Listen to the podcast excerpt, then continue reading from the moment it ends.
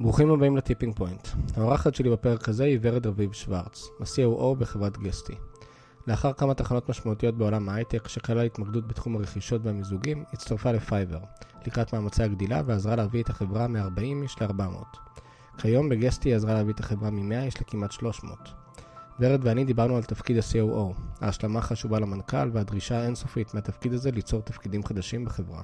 אחר כך עברנו לעבודה היומיומית של ה-COO, החל מבניית עץ המטריקות בחברה ועד פתיחת סניפים חדשים וקישור שלהם למדדי החברה. האזנה נעימה.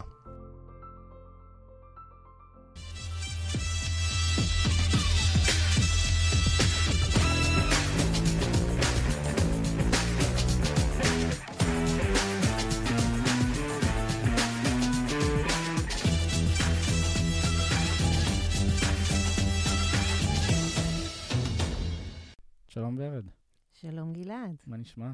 מעולה, יופי, שמח לפגוש אותך. גם אני. אה, אתה הבן אדם הראשון שאנחנו הולכים לדבר אה, בפודקאסט הזה על כל הנושא הזה של operation של, אה, של אה, סטארט-אפ, של איך עושים את ה scale ואיך עושים, איך תכלס מזיזים סטארט-אפ מנקודה אחת לנקודה שנייה ולא סתם כותבים קוד ודברים כאלה. אז מתרגש לארח אותך. מתרגשת להיות פה. אה, ובואי קצת ספרי למאזינים, למי שפחות מכיר אותך, כי יש לך דרך אה, מעניינת, גם בתפקיד הנוכחי, גם בתפקיד הקודם ולפניו, אז אה, אני בטוח שזה יעזור לאנשים להבין. כן, אז התחלתי את הקריירה שלי לא כל כך מהמקום הקלאסי, בתור עורכת דין. עשיתי הנפקות בארץ ובחו"ל, מיזוגים ורכישות, ובשנת 2000, בעצם, מה שנקרא, זה תקופת הבועה, כן. אה, החלטתי שנמאס לי אה, לעמוד בצד, לשתות את השמפניה ולחזור למשרד, ואני רוצה להיות חלק מהעשייה הזאת, ואז הצטרפתי לרדוור. אה, שהייתה חברה של 100 איש אז. וואו. יצא פאבליק, אז יכולת לצאת בחברות יחסית קטנות. הצטרפתי לשם, קודם לקחתי את המשפטי, לאט לאט, אתה יודע, בחברה של 100 איש אתה מתחיל לג'נגל ולעשות כל מיני דברים, קצת HR, קצת BD, קצת פה, קצת שם. בכל אופן, הייתי שם הרבה זמן, אה, שמונה שנים, אה, החברה צמחה עד ל-900 איש כשעזבתי. וואו. היום, כן, היום כמה אלפים, לא? כן, כן. וואו, זה חברה- ממש כן. בהתחלה. אמ, וזהו, משם עברתי, בוא נגיד ככה, היום אני בחברה החמישית שלי, אבל עברתי משם ל MediaMind, אחרי זה קראו לה Sizmek, אבל אה, חברה בתחום ה ad tech, שהנפקנו גם, זה היה קטע, הצטרפתי ב-2008, חשבנו שאנחנו מנפיקים אוטוטו, הייתה את הנפילה הגדולה של 2008. אגב, אה, רולר קוסטרים, אז סיזמק אה, סיפור משוגע. וואו, אה, לגמרי. ש... שיסתכל קצת על ההיסטוריה של החברה הזאת, היא עכשיו נרכשה על ידי אמזון לפני איזה שנה. כן. כן, האסטס פחות או יותר, כן, כן. אבל... זה, זה עצוב שזה נגמר ככה, הייתה באמת מחלוצות האדטק בישראל. כן. אה, הרבה מ- מהחברות אדטק שיש היום זה אה, יוצאי אה, סיזמק. באיזשהו מקום, תראה, אה, דאטורמה למשל, חברים אהובים אה, שנמכרו לסיילספורס ב-800 מיליון דולר, זה, יוצאי זה. יוצאי, יוצאי סזמיק, היה שם באמת צוות מדהים, ויצאו משם הרבה חבר'ה טובים שנמצאים היום בהנהלות של...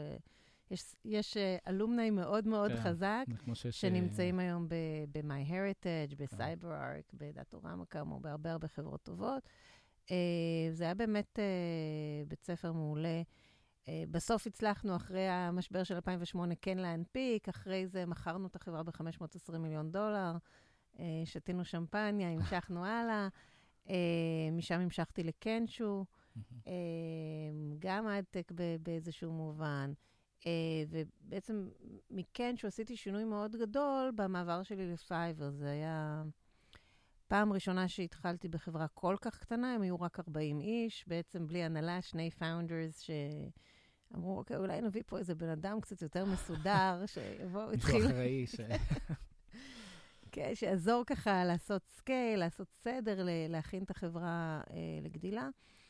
אה, ושם זה באמת היה מסלול מטורף של אה, להתחיל מ-40 איש, לעזוב כשהיינו 400 פלוס, לפני שנה ומשהו. כן. אה, וזה היה באמת לבנות את כל התשתיות. הייתה לי איזה מין תחושה שאחרי שהגעתי לחברות MediaMind ו Kenshoo, זה כבר היה 200 איש, 300 איש שהגעתי, כשעזבתי זה גם היה הרבה יותר, אבל אה, אמרתי, נורא בא לי להתחיל מההתחלה כזה, ולראות איך אני בונה את הדברים נכון, ואיך אני לומדת מטעויות העבר, ובאמת אה, מתחילה לבנות תשתית כמעט from day one. זה לא היה day one, החברה הייתה בת שנתיים, אבל זה די... זה הזמן שאתה מתחיל לעשות scale. אה, אז באמת זה היה לבנות שם המון המון דברים, תהליכים, מחלקות, אה, אה, איך הדברים הולכים לעבוד כשנהיה חברה גדולה. אה, וזהו, וכאמור, בשנה ומשהו האחרונות, מאז יולי אני בגסטי. אה, הצטרפתי כשגסטי כבר הייתה קצת יותר גדולה, 100 ומשהו עובדים, היום אנחנו כבר 280. כן. אה, הכפלנו את עצמנו בשנה האחרונה. אה, מתוך איזושהי מטרה גם לבוא ו... יש חברה באמת משוגעת, מוצר מעולה, product market fit, יש כסף, איך אנחנו לוקחים את זה לשלב הבא? שבאיזשהו מקום הבנתי שזה ה... המקום שאני הכי אוהבת להיות בו. אה, לעשות את ה execution, לעשות את ה scale, לקחת את זה למקום הבא. הזאת. כן. כן.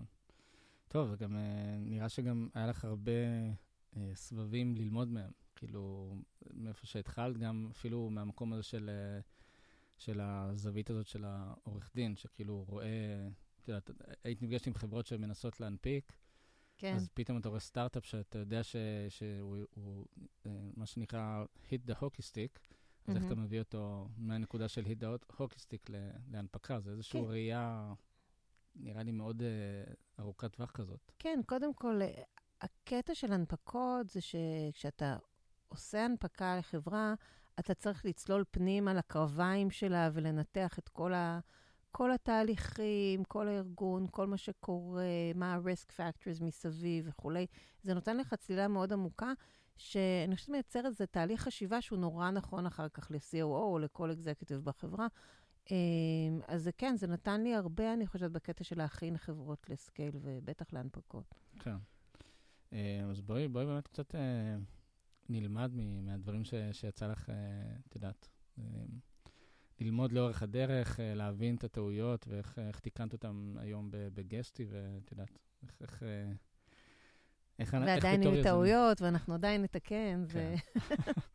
never ending. כן.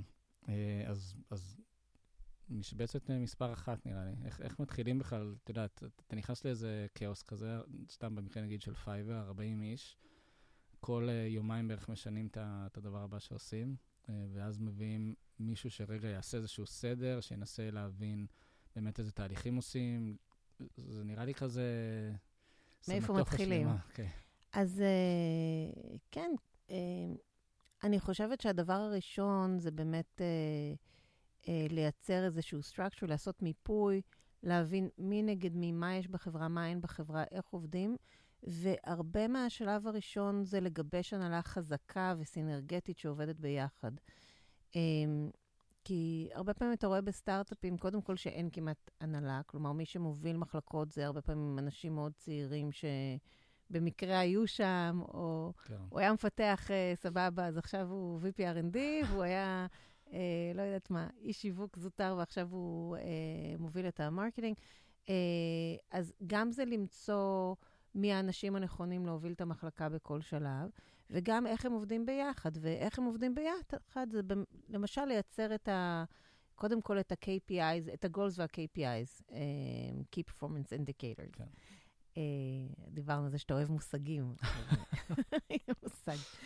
אה, אבל אה, הרבה פעמים כשאתה סטארט-אפ, אתה אומר, אוקיי, אני יורה לכל הכיוונים, וכל עוד אני גדל זה סבבה, ולא אכפת לי בדיוק לאיפה אני גדל. לא אכפת לי לקבל את הכסף מהמוצר, או ממשהו בכלל נלווה, כן. או אם הלקוחות משלמים לי כסף כי בפוקס ביקשתי 20% יותר והם הסכימו לשלם, או כי יש לי איזה payment structure. Uh, ואתה מגיע לגודל הזה שאתה צריך לעשות את הסדר ולהגיד, אוקיי, חבר'ה, אלה היעדים שלנו, אנחנו רוצים לעשות מכירות של X השנה ו-Y שנה הבאה. איך אנחנו מגיעים לשם? איך כל מחלקה תורמת כדי להגיע לשם? איך אנחנו צריכים לעזור מחלקה למחלקה כדי לאפשר לכולנו להגיע ביחד לנקודת הסיום. יש אה, שם את המתודה הזאת, אה, OKR, אה, כן. שהיא מאוד מפורסמת. התחילה, היום גוגל, אני יודע, מאמצים אותה ועוד. כן. את רואה בזה איזשהו, את יודעת, פלטפורמה טובה, או שזה משהו שהוא קצת בוסרי מדי בשביל סטארט-אפ ש... אמ, אני, עשינו דרך אגב OKRs בפייבר. מהמם. אמ, בסוף, ויסלחו לי המומחים, זה הכל fancy names קצת לאותו דבר. כלומר, מהמם. זה כל אחד והמתכונת שיש לו כדי לייצר אצלו את, ה, את הסדר והמתודולוגיה, ו, ובעיקר לאפשר לכל עובד בסוף להבין מה הוא צריך לעשות, איך ימדדו את ההצלחה שלו, אה, איך הוא ידע שהוא יצליח ואיך החברה תדע שהחברה הצליחה איזה הול.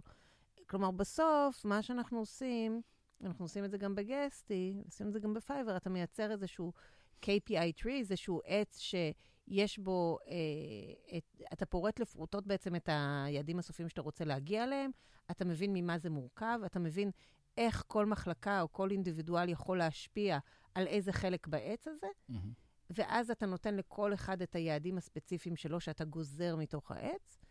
שכאילו ב top of the tree יש לך את ה-North... אה, את Star ה-North? Star, וזה יכול להיות ה-revenue goal שלך של כל השנה, וזה יכול להיות גם יעדים מאוד מסוימים, אם אתה עושה, למשל, אתה רוצה לפתוח שוק חדש, או לפתח מוצר חדש וכולי וכולי.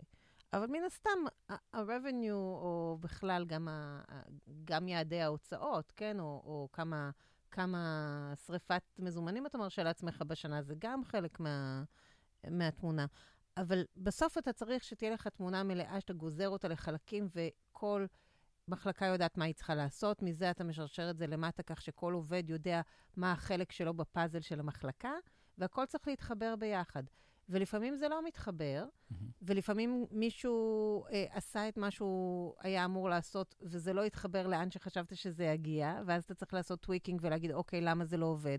אולי לא הגדרתי את המדד הנכון, או אולי אני לא מודד אותו נכון. הגדרתי מדד נכון, אבל כלי המדידה שלי, אם נלך ל- לכל המחלקת data שלך, אה, הם אה, לא מודדים את הדבר הנכון שבאמת מנבא את ההצלחה של המדד. עכשיו, ברגע שיצרת את ה...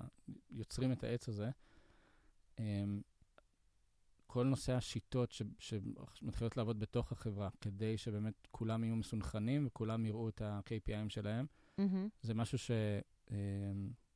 את יודעת, זה מע- זה מעין כזה, הכל בתווך אפור כזה. כי זה בין מחלקות, זה בין צוותים, זה בין אה, רמות שונות. זה, זה בדיוק המטרה של הנהלה בעיניי, אוקיי? את באמת צריך לייצר את, ה, את החיבור הזה.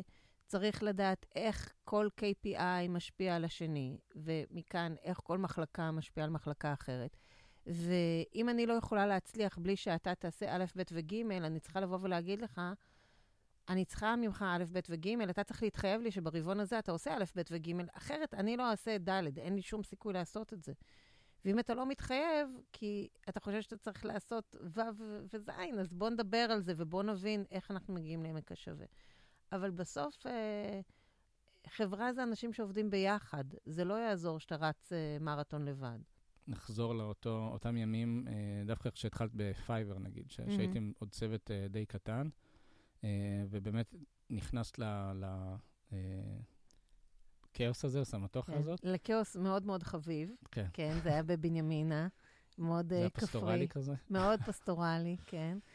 אה, איך ו- בעצם נכנסים לשם, ואת יודעת, ואת יודעת, איזה דברים את מזהה שנגיד לא עובדים טוב, ואיך איך בכלל מזהים את זה? כי אתה כאילו, נראה לי אתה באיזשהו תפקיד כזה של קצת חיצוני, קצת פנימי, אתה... אתה מאוד פנימי, זה הקטע, אתה לא בא בתור יועץ. אני חושבת שבכל תפקיד אה, אתה מצליח אם אתה יוצר ביין של כל הארגון אה, למטרות שלך. זה לא רק ל-COO, אני אומרת את זה הרבה פעמים לאנשים, קח business development למשל. הם נורא צריכים מחלקות אחרות. אם, ה- אם ה sales לא עוזרים להם, אם ה product לא עוזרים להם, הם לא מגיעים למטרות שלהם. אז הם צריכים להראות למחלקות אחרות שזה ווין ווין, שביחד הם יכולים להצליח יותר. אה, כנ"ל בתפקיד שלי, אתה בא ואתה בעצם אומר לאנשים, אוקיי, אנחנו רוצים להיות 1 billion dollar company, אנחנו רוצים להיות אה, חברה גדולה וגלובלית ומצליחה, ובשביל זה אנחנו צריכים לסדר תשתיות מסוימות, ודברים שעובדים לחנות מכולת לא עובדים לסופרמרקט, ולא כן. עובדים לאמזונים. אז אה, אני חושבת שהייתה הרבה נכונות לשמוע ולהבין איך לעשות את הדברים יותר טוב, והיה המון אה, ניסוי וטעייה ביחד, כי לא רק שהיינו חברה קטנה שרצתה להיות חברה מאוד גדולה, רצינו גם אה, להיות uh, consumer brand מוביל, שאיזה consumer brands יש בארץ בינינו, כן. זה לא... זה נראה לי גם לא... משהו, כן, ש- שאין לך, לפחות בזירה הפנימית, כמו שאת אומרת. אין הרבה ממי ללמוד. כן. אין הרבה ממי ללמוד, היה וויקס, האחות הגדולה ככה שהתייחסו אליה, אוקיי, בואו נראה מה וויקס עושים, אבל uh, לא היו הרבה אופציות. Mm-hmm. Um, והרבה דברים היינו צריכים... Uh, ללמוד לבד, למצוא יועצים uh, בחו"ל, למצוא חברות מקבילות אלינו במקומות אחרים, uh, וגם לעשות ממש uh, research וסליחה, מחקר, ולהבין... מישהו העיר לי על זה, ש... למה אני אומרת כל כך הרבה מילים באנגלית? התעשייה שלנו... לי, זה פשוט... כן. צריך להגיד שזה כבר מילים בעברית. תכלס. אבל אתה באמת צריך לעשות הרבה מחקר וחשיבה, וזה אחד הדברים הכיפים בתפקיד או בעולם הזה של, של, של, של צמיחה, שאתה צריך באמת uh, למצוא כל מיני מתודולוגיות שמתאימות ספציפית לך. כי גם אם תיקח את, uh, את פייבר ותשווה לגסטי, זה לא שאמרתי, אוקיי, עשיתי צמיחה בחברה אחת, אני אעשה עכשיו בשנייה. זה לא אותו דבר, המוצר הוא לא אותו מוצר, הקהל הוא לא אותו קהל. אתה צריך לעשות כל מיני דברים בצורה אחרת, כולל לבנות מחלקות אחרות. למשל, אחד הדברים שעשינו בפייבר, זה לבנות את כל מחלקת ה-customer journey. Mm-hmm. שזה התחיל מזה שהיה מחלקת uh, תמיכה, ומחלקת, uh, ואז אמרנו, רגע, צריך fraud prevention, יש uh, כן. לקוחות ששמים כרטיסי אשראי מזויפים, כל מיני דברים כאלה. אז הבאנו בן אדם ראשון שהוא היה מחלקת fraud בפייבר. Uh, ו, uh, ואז באיזשהו שלב אמרנו, אולי צריך customer success, אולי צריך, יש content, יש... ובאיזשהו שלב הרגשתי שאני לא יכולה כמנהלת לנהל כל כך הרבה מחלקות קטנות, ואיגדתי את הכל למחלקה שקראתי לה Customer Journey, mm-hmm. שבעצם uh, מאחדת את כל, ה... כל נקודות הממשק שלנו עם הלקוחות, הטובות והרעות, מה שנקרא. כן. Uh, הבאתי את uh, גיא בדיחי מ-eBay uh, להוביל את הקבוצה הזאת. Uh, ואמרתי לו, בוא תייצר, בוא נייצר ביחד מחלקה. דרך אגב, ה-customer journey זה אז לא היה שם כזה נפוץ. כן. אמרתי, איך אני אקרא למחלקה? אשכרה הסתכלתי על שמות של מחלקות, I googled it, מה שנקרא. חשבתי, אני אקרא לזה ככה, אז אמרתי, customer journey זה טוב. למה? כי בעצם אנחנו רוצים דרך כל נקודות הקצה האלה לייצר את המסלול שהלקוח עובר בחברה. היום זה נשמע נורא obvious, אבל כן, אז זה היה כזה, בוא נקרא לזה customer journey, אה, וואלה, שם יפה. בואו נקרא לזה כך. אמ, ובאמת בנינו את המחלקה הזאת ש... ו-fraud prevention הפך ל-trust and safety, כי גם זה הרבה יותר רחב. מה זה, מה זה fraud? זה לא רק כרטיסי אשראי, זה גם... אתה אה, יוצר trust אצל הלקוח שלו שיקנה גם. נכון, ואינטראקציה בין קונים למוכרים ב marketplace, בזירת המסחר שלנו. אה, מה קורה שהמוכר לא עושה מה שהקונה ציפה. אז יש לזה המון אספקטים אה, אה, של, של מערכות יחסים עם הלקוחות שלנו, אה, שהיו גם שני סוגי לקוחות, מוכרים וקונים. ובאמת יצרנו מחלקה שלא רק שהיא איגדה תחתיה את כל נקודות הקצה, היא גם הצליחה לייצר קול של לקוח, אוקיי? בעצם mm-hmm. ייצרנו customer voice שהיה קוהרנטי, שכלל את כל נקודות הממשק, את כל הפידבקים מכל המחלקות הרלוונטיות, פלוס מחקר שעשינו ו-surveys שעשינו וכולי uh, ללקוחות וללקוחות פוטנציאליים, ואת כל זה איחדנו לחומר uh, שאפשר להגיש ל product, שאפשר לעשות איתו משהו. כלומר, זה לא היה... uh, רשימות ארוכות כאלה של... Uh, מה הלקוח אמר. כן, כן, היה לנו בהתחלה, אני זוכרת שהגעתי, uh, כל חודש support היו מוציאים uh, דוח ל product, אה, עם 300 דברים שלקוחות ביקשו והתלוננו עליהם. 300. והלקוחות, ה product היו מסתכלים על המייל, עושים לו delete, כי אמרו, אוקיי, מה אני אעשה עם הדבר הזה? כן. אז לכן אני אומרת, אם אתה לא נותן למוצר ולמחלקת הטכנולוגיה שלך פידבק שהוא לעוס מספיק כדי שהם ידעו מה לעשות איתו, זה לא שווה כלום. נכון. והתפקיד שלנו, בתור מי שמייצגים את הלקוח, הוא באמת לייצר את הערך הזה עבור ה product, להפוך את המוצר למוצר יותר טוב, על ידי זה שאנחנו באמת מביאים את קול הלקוח מהשטח. כן. אז זה, זה ממש עבודת, כאילו, את אומרת שזה הגיע אה, מה...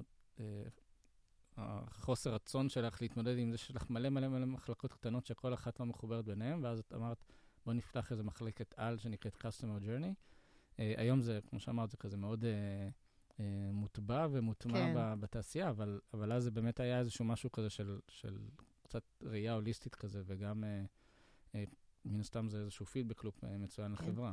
מה שמעניין גם, שאחרי כמה שנים טובות, דיברנו עם מי שעושה תפקיד מקביל אה, לגיא בליפט. מהמם. ודיברנו על זה, אמרנו לה איך המחלקה שלך בנויה, והיא מתארת לנו איך המחלקה שלה בנויה, וזה אחד לאחד המחלקה שלנו. ומה שנקרא, לא תיאמנו. כן. אבל אה, מה שנקרא, גם ליפט חשבה פחות או יותר על מה שאנחנו חשבנו. כן, אבל זה use case מעניין, של כאילו איך לקחתם איזושהי בעיה שהייתה מורכבת מהמון בעיות קטנות, ו... והצלחתם לאגד אותה לאיזשהו משהו אחד שגם פועל הרבה יותר נכון. נכון, וזה גם, אני אומרת, במהלך צמיחה של חברה צריך להבין שיש המון שינויים.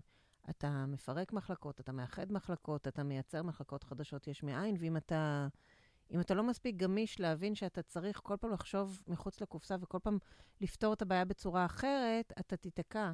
כן. אה, צריך המון פתיחות לזה. לפעמים גם לאנשים קשה עם זה שפתאום מזיזים להם את הגבינה, אבל אה, אין ברירה, אתה חייב כל הזמן לשנות, כל הזמן להסתכל על החברה כאילו היא חברה חדשה. יש לך איזשהו דווקא דוגמה הפוכה, כזה, של משהו ש... איזשהו מהלך שעשית, שהתברר ש... שהייתם צריכים לעשות uh, אחרת לגמרי, שהלכתם אחורה בעקבות, uh, בעקבות uh, שינויים כאלה מבניים ש... שיצא לך לעשות? אה, לא בסקאלה כזאת, אבל היו דברים ש... שטעינו בהם, גם בגיוסים של אנשים, כלומר, בהתחלה כש...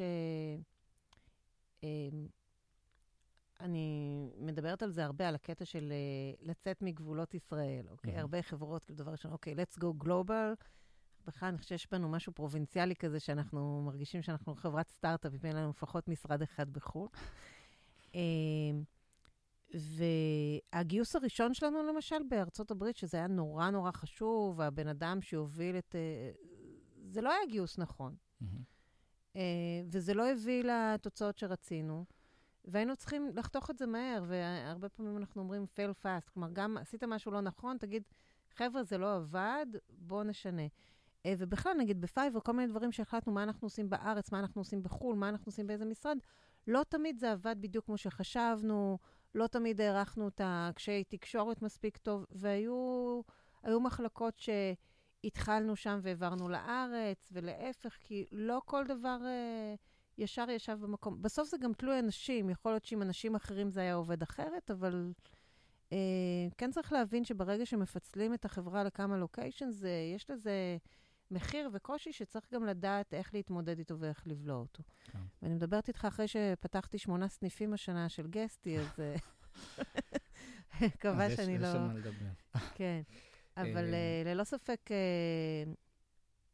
בעיקר אני חושבת בשינויים האלה צריך גם להקדיש לזה חשיבה ולהבין איך זה משפיע על כל מיני צדדים בארגון, וגם לדעת שלפעמים דברים לא יעבדו, וזה בסדר, זה לא סוף העולם. זה צריך גם בגרות, כאילו, את יודעת, להבין ולקבל את הסיטואציות האלה שהולכים על איזשהו אה, מהלך, ויש לו 30 אחוז שהוא ייכשל, ואז נעשה אותו שוב. כאילו, זה צריך איזושהי בגרות אה, ו- ותרבות מסוימת לדבר כזה. נכון. אה, בואי נדבר גם קצת על כל הנושא הזה של אה, תפקיד ה-COO ב- במקומות של גיוס כספים, סבבי, סבבי A ו-B, הסבבים הראשונים. כן. אה, כי זה גם איזשהו, אה, את יודעת, מהלך כזה שהוא מן הסתם קריטי לה- להמשך החברה. אה, היזמים, כאילו, זה, זה מעין אה, צוות קומנדו כזה שקם בתוך החברה בשביל המהלך הזה, מהמם. אבל איפה את רואה את התפקיד של ה-COO, ב, את יודעת, ב, במהלך כזה, של, של עכשיו יוצאים לגיוס? אה, צריך מן הסתם לחשוף המון מידע, לשדר את הדברים החוצה, אמנם לא לציבור, אבל עדיין יש פה לא מעט קרנות שמתחילות לשאול שאלות. כן. קודם כל, לא תמיד יש ב-Round A ו-Round B COO. אז Mhm. לפעמים uh, החברה מסתדרת בלי, אפשר לדבר על, על מה היא עושה בכלל. Uh, הרבה פעמים מביאים COO באמת שכבר יש קצת כסף ורוצים לעשות את הסקייל והגרוס. Uh, התפקיד של COO, uh, אני חושבת, לפחות שלי גם בסבבי גיוס, הוא אה, לתת גם, ל, אה, בעצם לקחת את כל המארג הזה של המידע ולדעת איך אה, לארוז אותו נכון, אה, איך לתת את הביטחון למשקיעים שלחברה יש דרך ויש תוכנית והיא יודעת לאן היא הולכת והיא יודעת איך היא תוכל לעשות את זה. אה, אני בעד להיות, uh, אתה חייב להיות מאוד שקוף עם המשקיעים שלך, אוקיי? Mm-hmm. כלומר, אין, אי אפשר לרמות ואי אפשר לשקר, וצריך לדעת שהכל צף. Uh, עזוב, אני לא נכנסת לחשיפות משפטיות וכל מיני דברים כאלה, אני מדברת על הבסיס שאנחנו, זה הכל אנשים וזה הכל אמון, ואם אתה לא תהיה, תגיד משהו למשקיע שלך, שאחר כך הוא יגלה שהוא לא היה מדויק, אתה מאבד את האמון של המשקיע שלך, שזה נורא. כן. אז צריך כן לחשוף את הדברים. צריך לדעת, בעיקר להבחין בין עיקר לטפל, לדעת להזין את המשקיע שלך בחומר שבאמת יאפשר לו לקבל את ההחלטה. לחשוב מה גורם למשקיע לקבל את ההחלטה, ואיזה מידע אני צריך להציג לו. אפרופו, אה, אני חושבת שזה שלפני הסיבוב האחרון של גסטי, אה, יצרנו את ה, באמת את התוכנית שלנו שנתיים קדימה, והיה לנו את ה-KPIs, ויכולנו להראות להם בדיוק למה אנחנו חושבים שנגיע למספר כזה או אחר השנה ובשנה הבאה, נתן להם הרבה ביטחון. זה לא כמו מישהו שאומר, אני אכפיל את עצמי שנה הבאה פי שתיים. למה? כי אני חושב שאני תותח. לא, אתה מראה להם, הנה המדדים, הנה הגדילה של הלקוחות הקיימים, הנה קצב הלקוחות החדשים, אני הולך להביא את הלקוחות שלי מפה ומפה, אני הולך לפתוח משרדים כאן ושם. הם מבינים שיש לך תוכנית שהיא הגיונית ושהם מרגישים נוח לסמוך על התחזיות שלך, וזה הדבר הכי חשוב בסוף. כן. אמ, אני רוצה שגם קצת נדבר כאילו על... אה,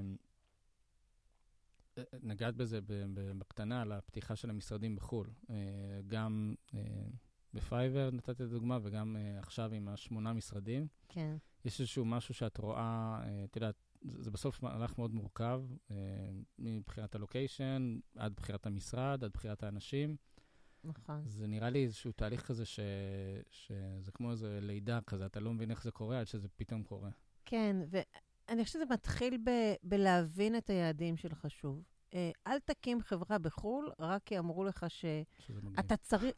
לא, גם יש כאלה שאומרים, אני חייב נוכחות בארצות הברית. למה? כי יש שם משקיעים יותר טובים, ואם אני לא אהיה שם, אז אני לא קיים. לא לכל חברה זה מתאים, זה נורא תלוי מה אתה עושה. אה, זה תלוי, האם אתה צריך להיות קרוב ללקוחות שלך, או אתה לא צריך להיות קרוב ללקוחות שלך. האם באמת המשקיעים בתחום שלך נמצאים רק בוואלי, או שאולי הם בכלל בסין? אה, האם יש לך סיבות אחרות להיות שם, כמו טאלנט למשל? Uh, היום יש, כולנו יודעים שמפתחים הופך להיות דבר יקר, הרבה אנשים מקימים צוותי פיתוח בחו"ל. זו סיבה שהיא לא קשורה למוצר בכלל, היא קשורה uh, באמת ל- לארגון ה-R&D שלך. בפייבר למשל, כשפתחנו, היו שתי סיבות, כי, כי פייבר, שוב, זה, זה מוצר צרכני, הוא לא באמת צריך להיות קרוב למישהו, זה לא מוצר enterprise שיש לך לקוחות של מיליון דולר ואתה רוצה להיות לידם. Mm-hmm. אז הסיבה הייתה קודם כל, כי רצינו להיות מין מותג בינלאומי כזה של, אה, של consumer, ואז אתה אומר, אני רוצה נוכחות בארצות הברית, קרוב ל media outlets, קרוב למקומות שבהם אה, נמצאים מותגים כאלה. וגם היה נושא של talent. תחשוב, אנחנו מדברים לפני אה, שבע, שמונה שנים, אה, ואין הרבה מוצרי צריכה או consumer brands בארץ, אז אתה אומר, אוקיי, אני רוצה אנשים שמומחים ב-growth של B2C, אתה פשוט לא מוצא אותם בישראל. היום, דרך אגב, יש אנשי שיווק הרבה יותר uh, מומחים בתחום, כי הם גדלו עם חברות כמו וויקס ופייבר ואחרות. אבל אז לא כל כך היה, אז אם רצית למצוא growth hackers וכל מיני דברים כאלה, לא היה. לא היה, ואמרנו, אוקיי, ניקח אותם בארצות הברית. אז uh, הייתי אומרת ש brand ו talent זה היה הסיבה הראשונה לגייס. בגסטי זה אחרת, בגסטי המוצר מאוד הבשיל, מ, בוא נגיד, התחיל ממוצר יותר ל-SMBs, יותר ללקוחות קטנים בינוניים, ולאט לאט אה, הלקוחות שלנו גדלים, וגם הלקוחות הפוטנציאליים גדלים, ומצאנו את עצמנו פתאום שאנחנו צריכים להבשיל ממוצר SMB למוצר enterprise. Mm-hmm. ולמוצר enterprise אתה צריך אנשים שיהיו בשטח, יהיו קרובים ללקוחות, גם אנשי Customer Success, גם אנשי Sales, וכך בעצם התח... התחלנו לבנות את המערך שלנו אה, לכיוון ה enterprise במקומות ספציפיים שעשינו להם הרבה מחקר והבנו, אוקיי, פה השווקים הכי גדולים שלנו, איפה הלקוחות הקיימים יושבים, איפה הלקוחות הפוטנציאליים יושבים, אה, איזה צורת מכירה מתאימה לכל אזור, האם זה באמת אזור שבו אני צריכה אנשים שיבואו וייפגשו עם הלקוחות בשטח, האם זה אזור שבו הם יותר uh, מוכנים לראות uh, דמוז אונליין, ופחות אכפת להם הקשר האישי. יש המון המון מדדים uh, לחשוב עליהם כשאתה מחליט אם אתה צריך נקודה בשטח או לא צריך נקודה בשטח.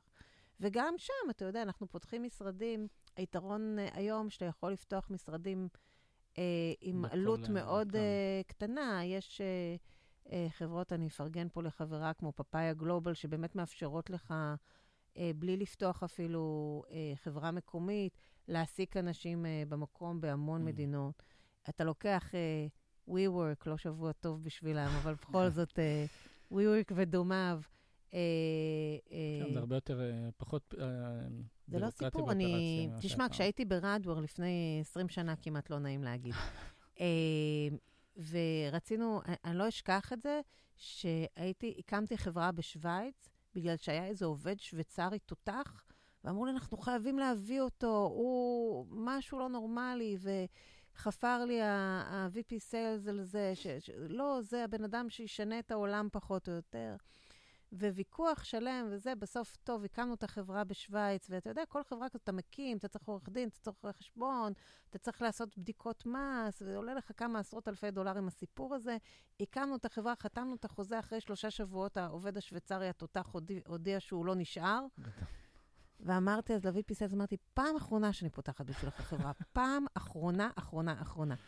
אז היום זה קצת יותר קל, כן? אבל עדיין שווה לחשוב לפני זה ולא כן. לרוץ uh, לפתוח, אבל יש לך יותר אפשרות, uh, מה שנקרא to fail fast, כמו שאמרתי. אתה מקסימום, אוקיי, השקעת כמה אלפי דולרים בחודש, כן. אתה אומר, זה לא הלך, בסדר. כן. אבל את אומרת, כן להצמיד איזשהו uh, יעד, uh, אפילו כמה יעדים שהם כאילו ב-roadmap של החברה, של למה אני בעצם פותח שם משרד. כן, לא... למה אני פותח, איך זה יעזור למוצר, איך זה יעזור ל-revenue, איך זה יעזור למארג. וגם, אחרי שאתה כבר מחליט ופותח, איך זה עובד ביחד, אוקיי?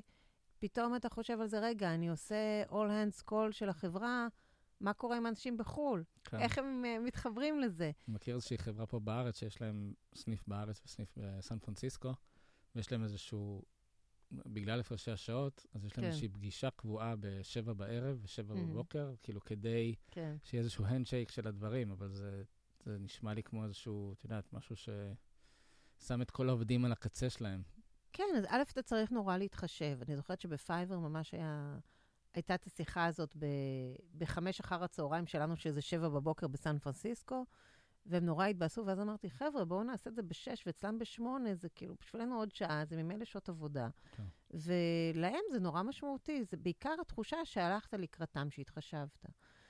אה, בסוף אני חושבת שחלק מההצלחה זה, זה, זה הקשר האישי, זה להביא אותם למשרד. נגיד עכשיו בגסטי, למרות שזו הוצאה מאוד ניכרת, אנחנו מביאים כל עובד חדש לעשות אה, קודם כל הדרכה של שבועיים-שלושה בישראל. כן, להכיר mm. את האנשים, להכיר את המוצר, להיות חלק מהצוות. זה נורא נורא מחבר אותם. כולם הולכים, אה, חוזרים הביתה בתחושה של וואו כזה, איזה כיף פה ואיזה אנשים, ואחר כך אתה מרגיש הרבה יותר נוח לנג'ס למישהו ב-10 בערב שלו, כשכבר פגשת אותו ושתית איתו בירה, וזה לא איזה דמות עלומה שאתה לא יודע כן. מי זה ומה זה. זה user ב Slack. כן, בדיוק. לפני שפתחנו את המיקרופונים, אמרת לי ששואלים אותך כל הזמן מה זה תפקיד ה-COO, אה, בין אם זה אנשים בכירים ובין אם זה אנשים שרוצים אה, להתקדם בתפקיד, בתפקידים האלה. כן. אמ, אז הבטחתי לך שסוף סוף אני אתן לך את הכמה דקות האלה, ואז תוכלי להפנות אנשים לשם. אבל, אבל אני חושב שליזמים זה בכלל, כאילו, אם גם שואלים אותך כל הזמן את זה, אז כנראה שזו איזושהי שאלה ש, שלאנשים זה בוער להבין מתי, אה, מה, מה הם רוצים מבן אדם כזה, מתי להביא אותו, אה, אם הוא כפוף אליהם, ובין, אם הוא, ובין איך, אה, את יודעת, איך להתקדם לתפקיד הזה. כן. אז זה מצחיק, אני מרגישה שאם פעם זה היה... אה, לא כל כך נפוץ, וזאת הייתה משרה שלא הייתה בהמון סטארט-אפים, ובעיקר זה היה co-founders שאמרו, אוקיי, אני אהיה ה-CEO, מה אתה תהיה? אה, אני אהיה ה-COO. אה, אז... מה עוד הבאה ב-ABC של פנייה? אז uh, לאט לאט זה תופס נפח של מקצוע, מה שנקרא, מה שמאוד משמח אותי בתור בעלת המקצוע הזה. Okay. Uh, אבל באמת אני שומעת יותר ויותר uh, יזמים, אה, משקיעים, שמחפשים את הפונקציה הזאת, שזה חשוב להם, שמבינים שחברה מעבר לגודל מסוים, צריכה מישהו שיסתכל באיזושהי ראייה מערכתית. עכשיו, להגיד לך שיש לי הגדרה ממש טובה למה זה COO, אין לי, כי זה... זה לא מופיע באבן שושן עדיין. כן, אבל זה גם, זה גם תופס מקום אחר וסגנון אחר לפי סוג החברה, לפי סוג האנשים, לפי השלב שלה. לפי המנכ"ל גם, אוקיי? כי הרבה פעמים, אם המנכ"ל הוא מאוד טכנולוגי, הוא יחפש מישהו יותר מסחרי תפעולי, אוקיי? אם הוא מאוד uh, sales oriented, הוא יחפש אולי מישהו יותר לצד, uh, עם יותר uh, נגיעה טכנולוגית. זה יכול להיות הרבה פעמים מין uh, דמות משלימה לתפקיד המנכ"ל. איך שאני רואה את התפקיד, זה באמת קודם כל הראייה ההוליסטית הזאת של הארגון, והתכנון לאן הוא הולך. Mm-hmm. ובעצם אה, להבין אה, מה המקום הסופי שאתה רוצה להגיע, איך, איך ייראה הבית, ואז להתחיל מלבנות את היסודות והמדרגות, וכשיש כן. לך איזה, בדמיון שלך, איך, אה, איך בסוף ייראה הגג והמרפסת, אבל שאתה בעצם יודע אה, למפות את הארגון ולבנות את השלבים קדימה כדי להצמיח אותו נכון, איזה תשתית אתה צריך, אם זה במכירות, אם זה בארגון ה production שלך, אם זה בשיווק, אם זה בתמיכה, אם זה בכל קשרי הלקוחות. Uh, יש פשוט המון uh, מקומות לגעת בהם. Uh, וזה, וזה גם לבנות הנהלה באיזשהו מקום בעיניי. זה uh, באמת לייצר את, ה, את המתווה הזה של תכנון uh, אסטרטגי, שמתרגם ליעדים, שמתרגם לתקציב ותוכנית פעולה, ובסוף נותן לך אפשרות אה, לדעת איך אתה משיט את הספינה הזו. כן.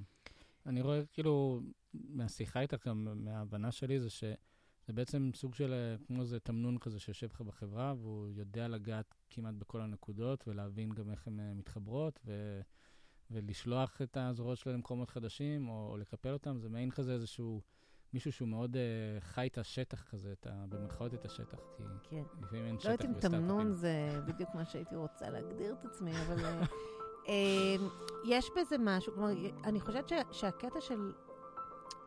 יש בזה משהו מאוד uh, אג'ילי ושמצריך... Uh, ראייה מערכתית מאוד רחבה ולהבין איך הכל מתחבר.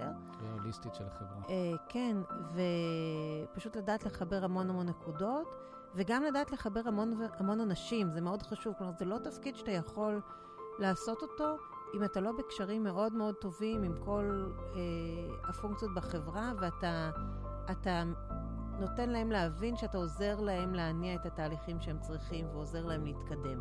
אה, אתה לא במקום של מאבק, אתה במקום של להיות ביחד, של לחבר ושל לייצר אה, מארג בתוך החברה.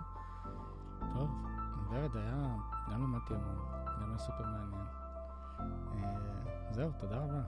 תודה רבה לך. תודה רבה שהאזנתם לפרק. שתפו עם חברים, תעשו subscribe ונתראה בפרק הבא.